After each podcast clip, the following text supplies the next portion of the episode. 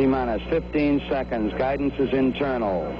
12, 11, 10, 9. Ignition sequence start. 6, 5, 4, 3, 2, 1, 0. All engine running. Liftoff. We have a liftoff. 32 minutes past the hour. Liftoff on Apollo 11. Apollo 11 var ekki eina geimfarið á leið til tunglsins miðugdægin 16. júli árið 1969. Þreymur dögum áður höfðu sovjetmenn skotið á loft ómunuðu könnunafari, Luna 15, sem átti að lenda á tunglinu, sækja síni og koma þeim til jarðar á undan Apollo 11 í nokkus konar lokatilraun til að skikja á afreg bandaríkjumanna. Í byrjun júli höfðu sovjetmenn einni gert aðra tilraun til að skjóta á loft en einn eldflöginni sinni, hliðstæðu Saturnus 5 flögar bandaríkjumanna en flögin sprakk örfá að metra yfir skotpallinum, ger eðlaði hann og gerði svo til út um drauma sovjetmanna að enda mönnum á tunglinu. Í raun höfðu bandarækjumenn unnið kapplöpi til tunglsins í desember 1968 þegar áhöfn Apollo 8 ringsólaði tíu sinum í kringum mánan. Nú var hins vegar komið að glæstustu stundinni, sjálfur í lendingunni. Ferð Apollo 11 til tungsins var fremur tíðandalítill en klukkan 5 síðdegis að íslenskum tíma lögudagi 19. júli eftir þryggjadaga ferðalag fór Apollo 11 á brautum tunglið. Í hljóðstofu ríkisútvarpsins satt Hjálmar Sveinsson verkfræðingur og lísti atbyrðinum í beitni útsendingu. Uh, við sittum hér í hlustunarherbygginu klukkan uh, 15 minútu fyrir 6 og uh, erum að fylgjast með því þegar Apollo 11 er komið á braut umhverjast tunglið. Uh, eftir um það byrjum tvær mínútur er búist við því að gameskipið byrtist aftur fyrir frambróðum tungsins og uh, þá fáum við að vita hvort að þessi mikilvægi atbyrður hafi tekist vel. Það er þegar ára ljóst að, að, að aðal góðsarveitin hefur farið í gang því annars hefur gameskipið verið komið fram fyrir frambróðuna nú þegar. Nú eru ekki nema örfáar sekundur þángar til að við getum búist við fyrstu tilkynningum. Og Apollo 11 er komið á brautum tunglið. Nú verða farnir á næstu 26 stundunum verða farnir 13 ringir um tunglið. Eftir tvo ringi verður brautinni breytt þannig að tungl fyrðin verður minguð niður í 100, úr, úr 315 km niður í 110 km eða þar sem næst og hún verður gerð ringlaga með því og á þeirri brautum eins og móðurskipi verða næstu þrjá sólarhingana og hér með er þá lokið lýsingunni Gameskot Apollo 11 hafi verið tímasett þannig að við lendingu sunnudaginn 20. júli er því morgunsólinn lágt á himni yfir lendingastæðnum. Þannig myndu allar ójöfnur á yfirborðinu, eins og gígar, hæðir og hnullungar, sem gátur einst hættuleg, varpa löngum skuggum og auðveldað nýl að finna heppilegan lendingastað. Sólinn var því að rýsa yfir hafi kyrðarinnar þegar Apollo 11 fór á brautum tunglið. Neil Armstrong, leðangustjóri og Buzz Aldrin, flugmaður tunglferju, hafðu varið mörgum klukkustundum í að skoða myndir af lendingastæðnum og þekktu hvern gíg og hverja hæð eins og handabökin á sér. Lendingastæðurinn fyrirhugaði var rétt rúmir 18 km á lengt, ekki ósupaf vegalengdinni á milli Hafnaferðar og Mósilsbæjar og tæpir 5 km á breytt. Staðurinn var valin vegna þess hver sviplus hann var. Þarna voru engin háfjöll eða hildjúpir gígar. Á tunglinu voru margir aðri staðir miklu áhugaverðar í jarðferðarlega séð, en líka mun hættulegri. Í setni ferðum er þið förinni heitið þangað. Nú var hins vegar aðalmálið að lenda þar sem það var örugt. Sunnudaginn 20. júli fóru Níl og Buzz inn í tunglferðina, lókuðu lúinni og komu sér fyrir. Takið því rólega á tunglinu. Ef ég heyri ykkur móða á mása neðist ég til að skamma ykkur, saði Michael Collins flugmaða stjórnfarsins við fjölaða sína. Honum leið dálitið eins og áhyggjufullu foreldri sem sæju á eftir börnunum sínum í langt og hættulegt ferðalag. Þegar allt var til reyðu, ítti og Knapp sem losaði tunglferðuna örnin frá stjórnfarinu Kolumbíu. Örnin hefur vangi, saði Níl. Í fáinar mínútur svifu örnin og Kolumbíu saman yfir tunglinu. Mike tók myndir af því sem fyrir augu bar og sæði við félaga sína.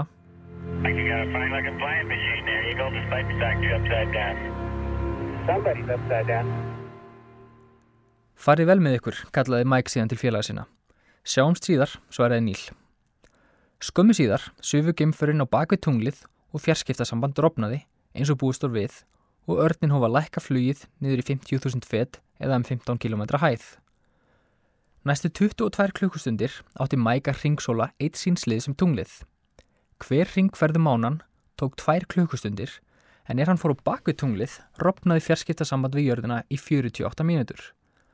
Fólk velti fyrir sér hvort hann hefði orðið einmanna en hann hvað svo ekki vera.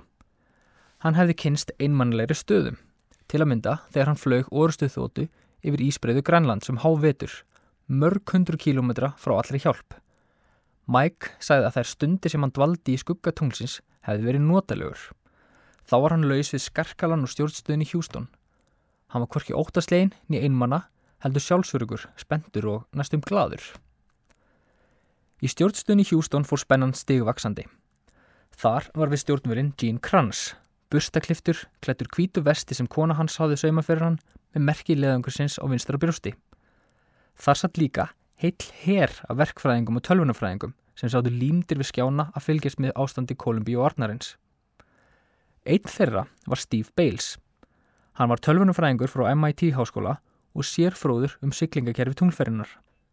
Þótt hann væri aðeins 26 ára gammal var hann á svipum aldri og flestir aðri sem störfuðu í stjórnstöðinni. Hans verk var að fylgjast með tölvu tunglferðinar, ratsjóni og flugferli Arnarins niður á tunglið. Fyrir framann Gene Kranz satt geimfarinn Charlie Duke, maðurinn sem Neil Armstrong hafði valið sérstaklega til að sjá um talsambandið millir stjórnstöðarinnar og tunglfarana við lendinguna. Þegar Örnin og Kolumbia komist aftur í fjarskiptasamband við jörðina var Örnin komin í 50.000 feta hæði við tunglið. Neil og Buzz stóðu hlekkjaðar við golftunglferinnar, klættir geimbúningum sínum. Adrenalinnið var farið að streyma um líkama þeirra. Hjartslátturinn færðist í aukana. Þeir voru þurrir í mununum vegna hreina súrefnisins sem flætti um búningana. Buzz ræsti myndavill sem taka átti upp lendinguna. Allt var til reyðu til að hefja frekar í lækun. Á réttu augnabliki ræsti Níl bremsuflögar Arnarins. Þeir fundi ekki fyrir neinu en mælarnir síndu ótvírætt að eldflögin var farin á stað og örnin stifti sér hratt niður í átt á tunglinu. Buzz hafði það hlutverk að fylgjast með mælaborðinu á meðan Níl horfið út um gluggan í leitað kunnulegum kennileitum á yfirborðinu. Hann tók eftir að hvert kennileiti byrtist tveimur sekundum á undan áallun sem þýtti að þeir kæmu niður tæmlega fjóra kílómetra frá fyrirhugum lendingastað. Í 46.000 feta hæð, um það byrj 14 kílómetra, var komið að því að snúa erðinum á bakið til að beina ratsjáni á tunglinu. Þegar þeir gerðu það, sáu þeir jörðina út um gluggan, þar sem hún sveif blá og hvít í myrkviðum heimingeimsins. Í 40.000 feta hæð hóf ratsjáin að senda upplýsingar um flughæð og hraða arnarins í tölvuna. Með þessum upplýsingum reiknaði tölvan út flugferilinn. Þegar Böss bar hæðarútreikninga tölvunar saman við gögnin fór ratsjáni, tók hann eftir að tölunum bar ekki saman. Böss vissi að ratsjáin var áreðanleiri og skipaði tölvunni að taka tillit til þess en þegar Buzz ítti á takkan kviknuðu viðverunljós í mælaborðinu. Programalarm, kallaði Buzz. Á skjánum stó 12.02, villubóð sem kvorki Buzz niður Níl hafðu séð áður. Þeir hefðu ekki tíma til að fletta því upp og leitiðu aðstóða stjórnstöðarinnar. Þar kannast engin við þessa villu heldur, nema hinn 26 ára Steve Bales. Við æfingar hjá áhöfn Apollo 12 snemma í júli hafði sama villubóð komið upp. Í þeirri æfingu skipaði Krans áhöfninni að hætta við lendingu og fekk skammir í hattin fyrir því ef hann hefði þekkt villubóðið hefði lækunin mátt halda áfram. Eftir prófinina settist Krans því niður með Steve Bales og fleiri tölvunafræðingum frá MIT og fór yfir öll möguleg villubóð og hvernig bregðast ætti við þeim. Krans vissi því að villubóðið 1202 var alvarlegt en mundi ekki hvernig bregðast ætti við því. Tölvan í erninum réð ekki við allar þær upplýsingar sem hún varð að vinna úr í einu og ákvaði raun að gefast upp og byrja upp á nýtt. Og meðan Krans beigð eftir svari frá Bales, kallaði Níl, gefið okkur upplýsingar um 12.02 villibóðið. Bales svariði ákafur. Við erum, við höldum áfram flugstjóri. Í 7500 feta hæð var laungu hemluninni lokið og dreyið úr afli bremsuflögarinnar. Níl snýri erninum upp á bakinu og hóf loka aðflug. Út um augu Arnarins sá Níl gígóta sléttu kyrðarhafsins og lendingastæðin framöndan. Örnin var á réttri leið og færðist sífælt nær. Eagle, you're looking great. Coming up nine minutes. We're now in the approach phase. Everything looking good. Altitude 5,200 feet. Manual attitude control is good. Roger, copy. Altitude 4,200. Houston, you're a go for landing, over. Klukkar var 15 mínútur gengin í nýju að kvöldi sundagsins 20. júli þegar hér var komið sögu. Í hljóðstofu ríkisútvarpsins satt Hjálmar Sveinsson verkfræðingur og lísti þessum sögulega atbyrði í bytni útsendingu. Hæðin er 1250 og heimild hefur fengist til lendingar. Houston segir go for landing. Það er loka orðið frá Houston. Nú halda þeir áfram eftir því sem þeir best sjá sjálfur. Nú tekur Neil Armstrong við, við, við yfirstjórninni. We are go, segir hann. Við höldum áfram. 2000 fett, 700 metrar. 700 metrar.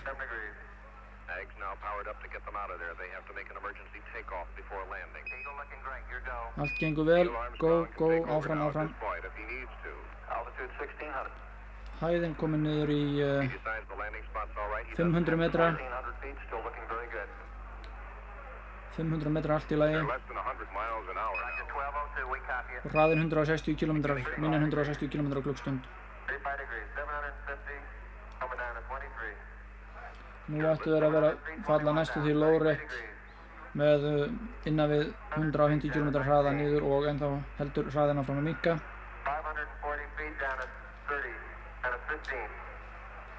Hæðin er nú komin niður í 160 metra yfir yfirborðið tungsins á hafi kyrðarinnar og hæðin er núna komin niður í innan við 110 metra innan við mínúta það til að snerta. Nú er kritískast á augnabliki þegar ég má taka svo til orða. Uh, ef eitthvað kemur fyrir nú þá verður það að vera snarir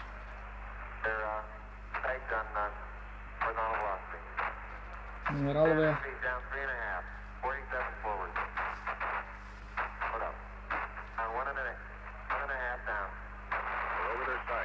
þeir eru yfir staðinu núna. Og allt verður í lagi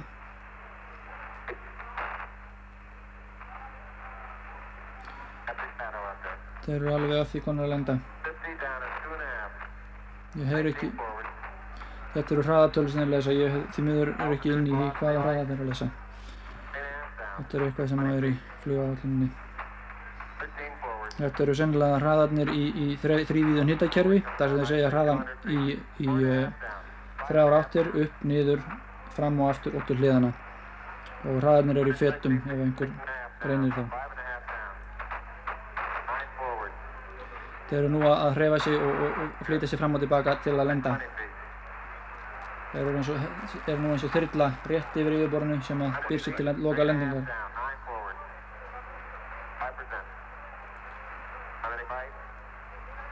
Við býðum bara eftir orðinu um það að þeir séu lendir. Það er allt í lagi, allt í lagi. Þeir eru ennað. Ég held að það hef sett 50 sekundur til lendingar hana. Niður 2,5 fött, það er inn á netta niður. Áfram, áfram.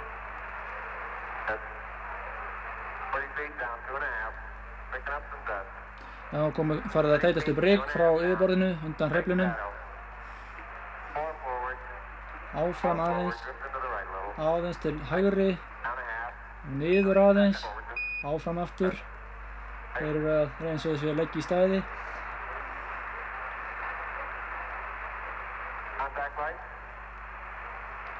Ég held að þeir að slögt á hreflunum. Það er metur til tungsins. Þeir að vera komnir af, hreyfillin af. Þeir eru lendir. Í augnablík varð allt hljótt í erninum. Níl og Böss litu hvora á annan brosandi en sögðu ekkert. Lendingin var svo mjúk að þeir fundu ekki fyrir henni. Í stjórnstöðin í Hjústón heldu menn niður í sér andanum rétt eins og milljónir jarðabúa sem fyldust með beinum útsendingum í útvarpi eða sjónvarpi. Þá mælti Níl. Houston, uh, Tranquility Base here. The Eagle has landed. Roger, Tranquility. We copy you on the ground. You got a bunch of guys about to turn blue. We're breathing again. Thanks a lot. Klukkan 20.17 að íslenskum tíma, sunnudaginn 20. júli 1969, lendu menn í fyrsta sinn á öðrum netti. Mikill fögnur bröst út í stjórnstöðinni og um allan heim. Öllum var létt.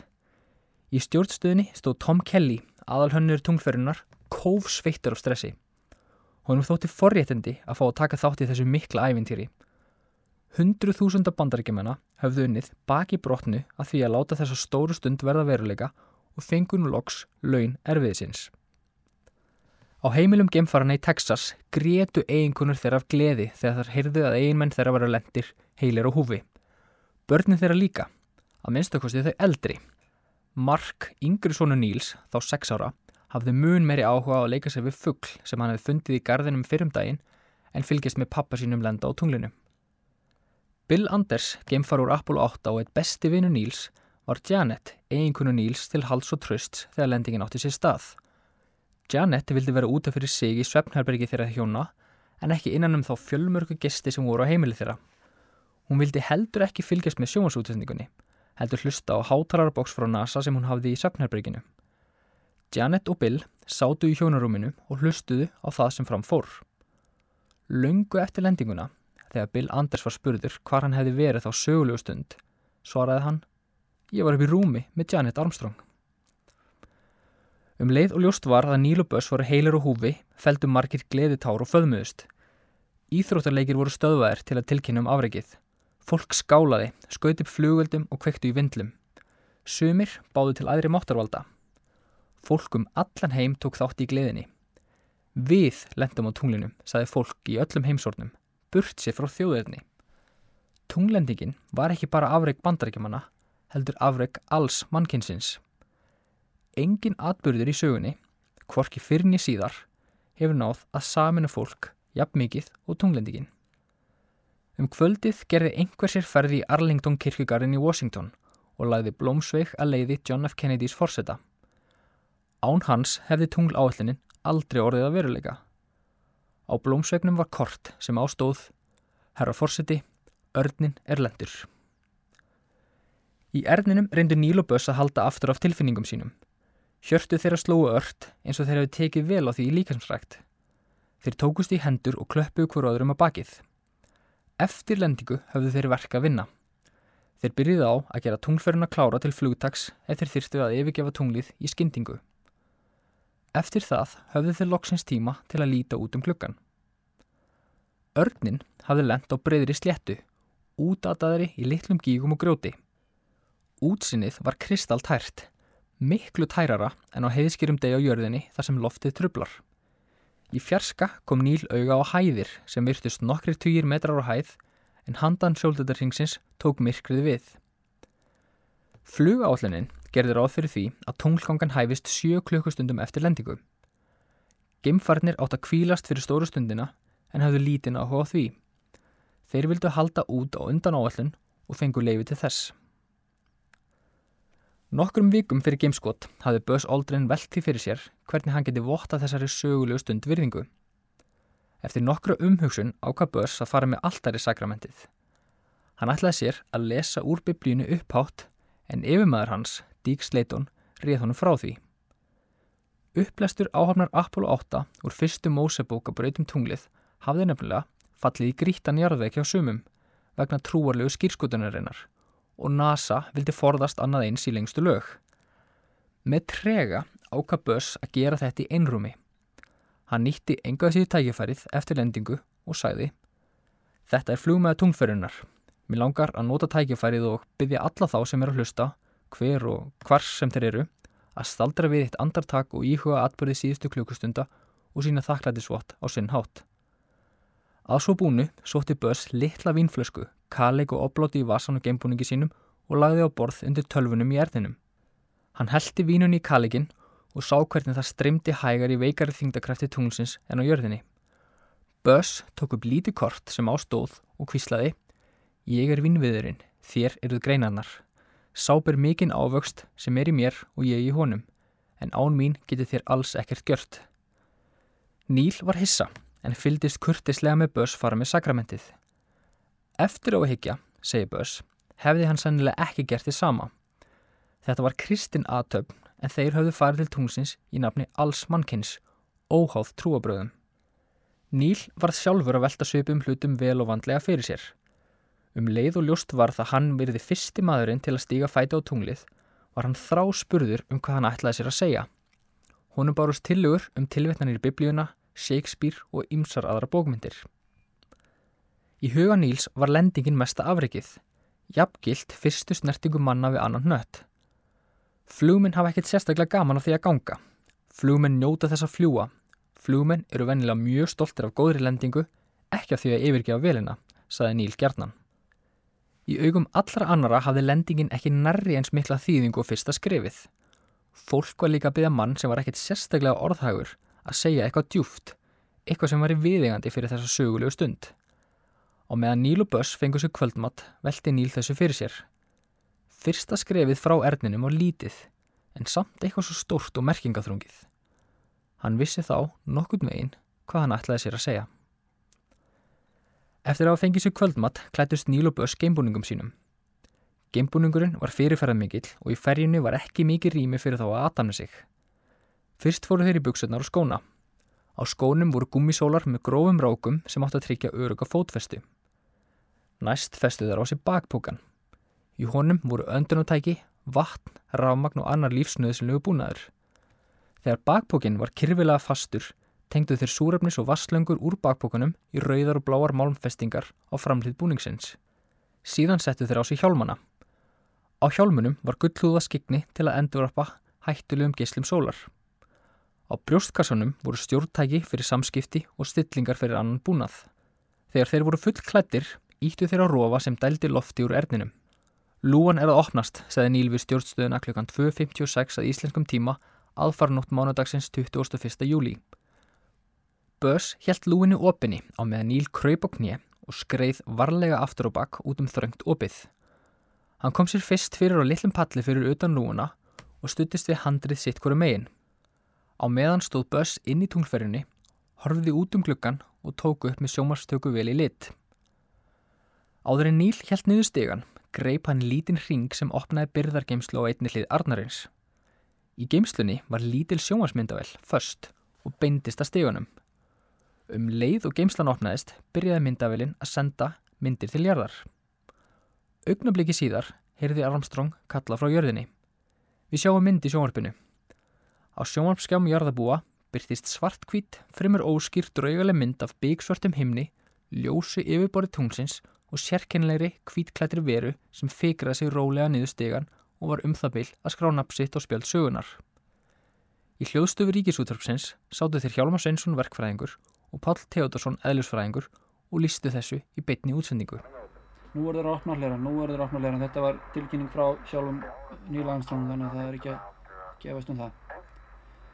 Klukkan er núna, klukkan er venda núna, það byrjum 20 minnur í þrjú, þeir eru opnarleiran.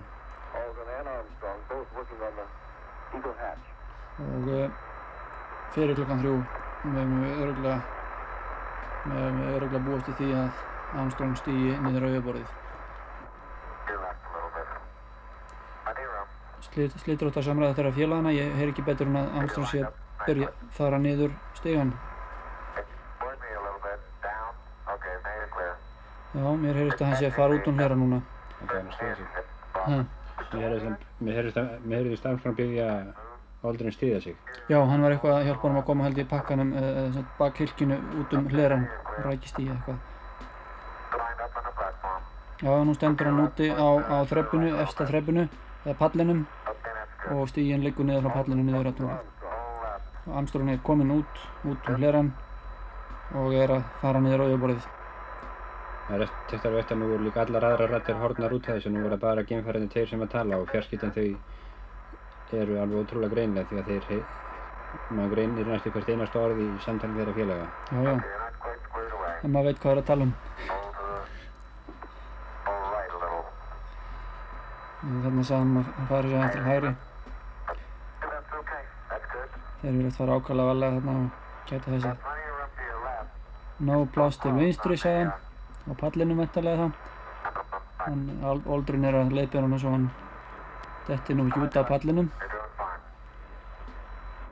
er hann hefur farið niður 5 trepp þá mun hann stöðnamast þar og kippa í snúru sem mun opna hlífarnar fyrir sjónvarsmyndavélinni sem síðan, sjónvarp, sem síðan sjónvarpar myndum af þessari ferð hans niður síðustu fjór þreppin beint til jarðar. Og þar munu um það byrj 500 miljónir manna nú setja við sjónvarstæki sínum allan heim og fylgjast með.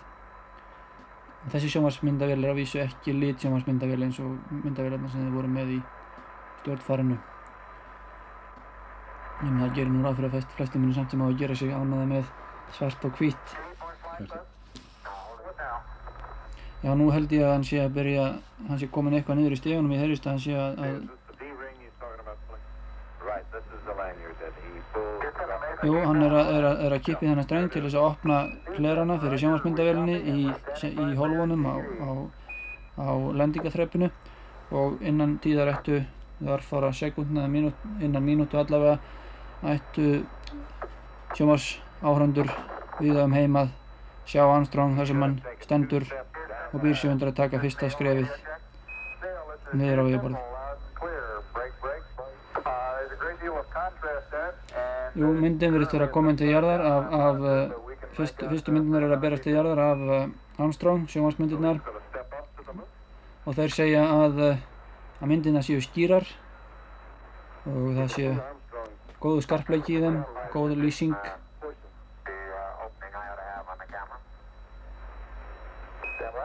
og nú fylgjast 500 miljónir jarðabúa með því er fyrsti maðurinn stígur fæti sínum á yfirbort tónsins innan nokkur augna blika og nú held ég að sé alveg að því komin að stíga fæti sínum á tunglið.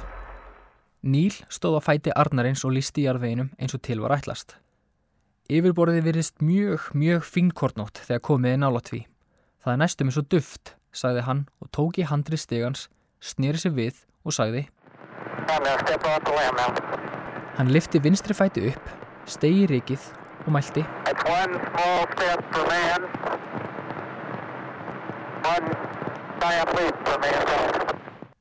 Fyrsta skrefið var eins og hjá manni sem dýfir stóru tá í heitt vatn og kannar hvort óhætt sé að stíga út. Fyrstu skrefin voru líka eins og hjá manni sem var að læra ganga á ný. Níl þótti auðvelt og þægilegt að hreyfa sig um. Tilfinningin var einhvern veginn mitt á milli þess að svífa á ganga. Á jörðinni vó Níl í geimbúningnum tæplega 160 kíló en á tunglinu vó hann aðeins um 30 kíló. Fyrsta verk á dagskrá var að sapna sínum í lítinn póka. Buzz let Hasselblad myndavæluna síga út til Níl sem festi hann á brjóstkassan og tók fyrstu ljósmyndi manna af yfirborðið annars nattar þar sem hann stóð í skugga Arnarins. Eftir um það byrj 20 mínútur var loks komið að Buzz Aldrin að klefra niður stiga tunglferðinnar og verða annar maðurinn í sögunni til að stiga fæti á tunglið.